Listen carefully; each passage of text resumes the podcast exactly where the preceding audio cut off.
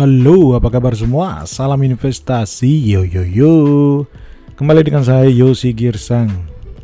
Kali ini kita akan membahas tentang perusahaan yang bergerak di sektor rokok atau tembakau di Indonesia yang cukup besar, salah satu yang terbesar juga ya, uh, yaitu Gudang Garam atau kodenya adalah GGRM.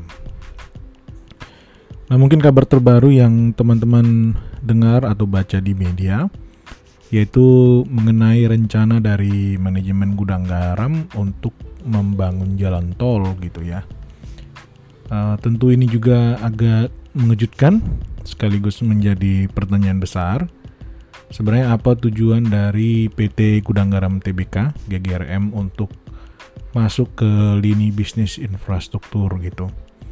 Apakah ini tujuannya untuk jangka panjang uh, supaya gudang garam memiliki alternatif lini bisnis mengingat bahwa industri di rokok itu seperti kita ketahui memang kan banyak uh, rencana ataupun tujuan untuk mengurangi konsumsinya ya.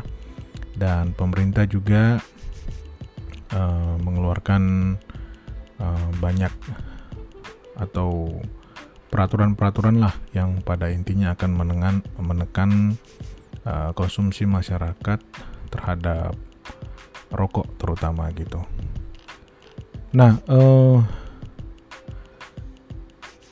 untuk rencana infrastruktur ini atau membangun tol ini, uh, Gudang Garam itu sudah memiliki anak usaha. Jadi di bawahnya itu ada perusahaan dengan nama PT Surya Kerta Agung atau SKA dan Gudang Garam sendiri sudah menyetor uh, modal yang awalnya hanya 500 miliar bahkan sekarang sudah mencapai 3 triliun.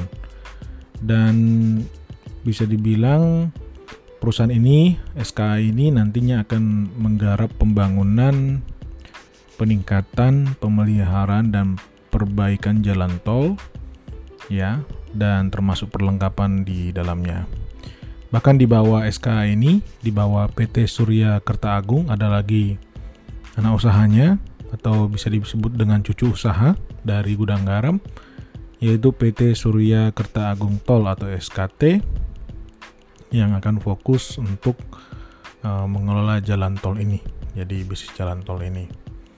Nah, uh, informasi yang uh, saya uh, terima ataupun yang beredar di media dari sekretaris perusahaan gudang garam yaitu Heru Budiman Surya Kerta Agung Tol tadi nantinya akan fokus ke jalan raya, jalan tol, jembatan dan jalan layang gitu ya.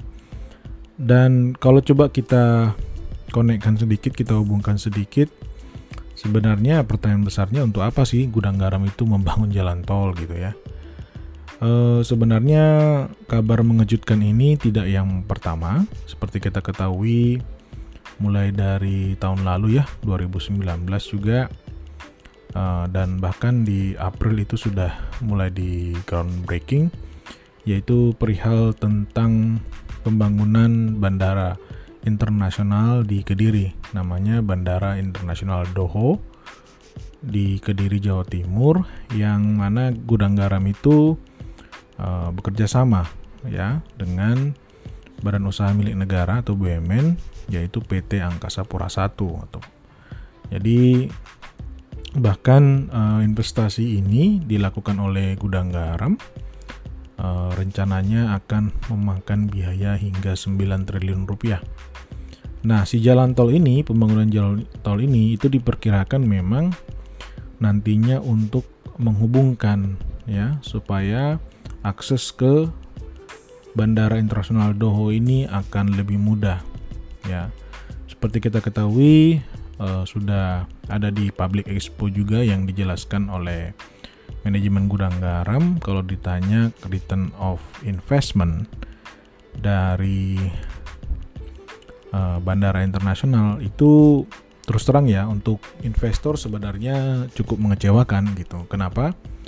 karena ternyata return on investmentnya ya di bawah 10% atau jangan-jangan di bawah 5% gitu. Jadi memang sifatnya bukan untuk mengejar growth yang lebih tinggi dari sisi gudang garam sebagai perusahaan induk gitu. Tapi ini dari pernyataan manajemen gudang garam dianggap sebagai uh, investasi jangka panjang yang secara nasional akan membantu negara Indonesia gitu ya khususnya untuk uh, pembangunan di daerah Kediri Jawa Timur gitu.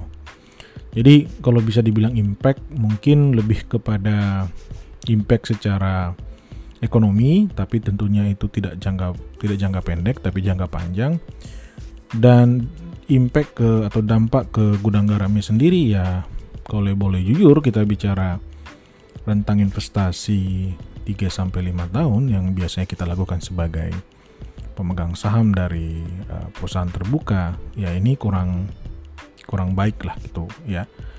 Uh, harusnya kan dana perusahaan sebesar itu ya 9 triliun rupiah misalkan ya bisa dibilang uh, sebaiknya alternatif investasinya jauh lebih baik gitu. Tapi karena kita ketahui bahwa uh, gudang garam sendiri dimiliki oleh uh, keluarga uh, di mana um, mereka masih uh, keluarga dari Pak Susilo ya dan uh, saudaranya. Dan mereka masih sebagai pemegang saham mayoritas sehingga otomatis untuk pertimbangan ekspansi ke ke sektor apa gitu ya itu masih benar-benar uh, sesuai dengan uh, ketok palu dari uh, manajemen uh, yang membangun dari perusahaan ini gitu. Jadi uh, investor-investor lain yang bukan mayoritas tentunya tidak memiliki suara yang cukup ya untuk menolak rencana ini gitu. Jadi kalau bisa dibilang kita sebagai uh, investor retail yang mungkin hanya memiliki sekian persen, 0, sekian persen dari saham gudang garam, ya pilihan kita kalau kita tidak setuju ya kita jual saham kita gitu. Jadi uh, buat anda investor jangka panjang uh, menurut saya pribadi uh, kita sebagai investor retail dihadapkan pada posisi manajemen melakukan ekspansi tapi tidak fokus untuk menaikkan return on investment ya. Jadi uh, kapital ataupun modal yang diinvestasikan ternyata returnnya sangat kecil ya otomatis ini bukan langkah yang menguntungkan untuk investor. Tapi kalau melihat perspektif bahwa manajemen gudang garam ingin berkontribusi untuk negara, tentunya itu adalah satu hal yang positif gitu. Kalau saya sih pribadi melihatnya begini sih, seharusnya memang kalau memang eh, keinginan-keinginan berkontribusi seperti ini ada gitu ya, uh, tentunya ada dampak ke return yang kecil ya alangkah lebih baiknya dilakukan di perusahaan yang tidak TBK ya atau perusahaan tertutup gitu. Jadi otomatis buat pemegang saham ya konsekuensi ataupun semua dampak diserap sendiri gitu.